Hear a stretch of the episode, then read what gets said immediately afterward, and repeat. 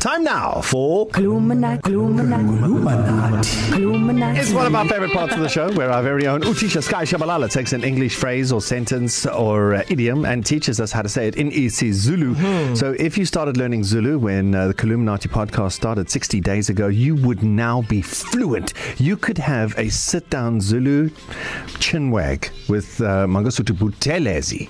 And thanks to thanks to our Tisha yesterday, um, you could have a sit down with someone who was celebrating a verjaarsdag with what we learned. Happy birthday to you, my friend. Ube nosuku lokuzalwa oluhle mngani wami. How do you get Afrikaans?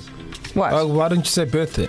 Because I wanted to be trilingual. D- people like Darren Moore. Yeah, you lost me. Oh. Yeah, Feels like, like liver Mikey. He's like bottom of the class, and now Yeah. you're saying This Fiara's Well, is at why least they understood don't. Something. something. This is why universities and primary schools don't work together. Do you see, see what I'm saying? Perfect example. Well then, Come on. Darren Maul. Also, way we're too learning many- something new today. At Yeah. Yeah. the same pace, please, teacher. Please take control of your class. Yeah, today is a bit different, and I really hope this is not too hard for you, Darren Moore. Kerry, I think, will be fine. Also, mm-hmm. Darren Moore, this is when you do more of the listening and don't ask questions. Okay, gotcha. Just believe what I'm telling you okay. Okay. is the truth.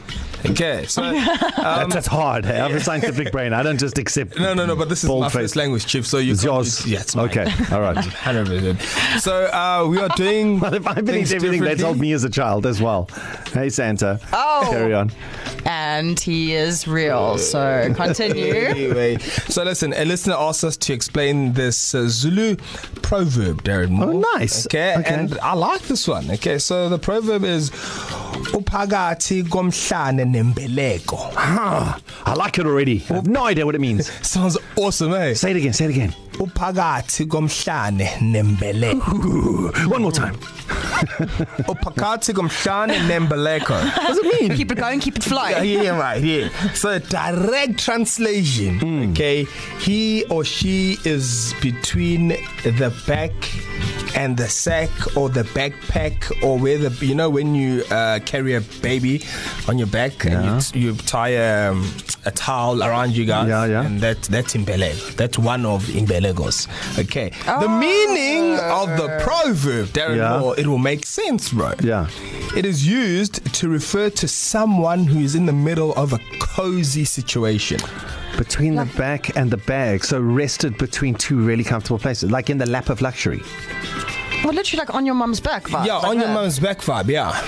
So in, In a in, in cozy English, sit- when we would say you've landed with your bum in the butter, it's like it's all working out. You, it's just peachy for you right now. Oh, mate, you're Is it going that to kind of vibe? everyday English with butter and Well, bam. may I say, I would rather be on my mom's back than with Than with my your bum in the butt. Yeah, yeah, so we're going to go with uh, uphakathi komhlane nembeleko, not the bum butter. Okay, may I give it a bash? Yeah, so you're going to tell me uphakathi komhlane nembeleko, and then, yeah, let's go. Upagati, kumhlane, nembeleko. Oh, Wow, Darren. He's like yes, it, brother. Top of the club. He's like yes, it, brother. top of the club. Butter. Okay, may I give it a bash? Feel like, okay, let's do this. Uphakathi komhlane nempeleko Mm, which means in a cozy sitch.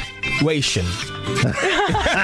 okay, we're not, it's the class. Okay, it's, not, it's not Twitter or Instagram. Okay, this is I Hashtag like like comfy. so there you have it. So Hashtag practice best. that. You should be able to say that by the end of today. And if you like feeling like me, like you just got a gold star, you're like, oh, well, hang on, I can do more. We have all of them available for you.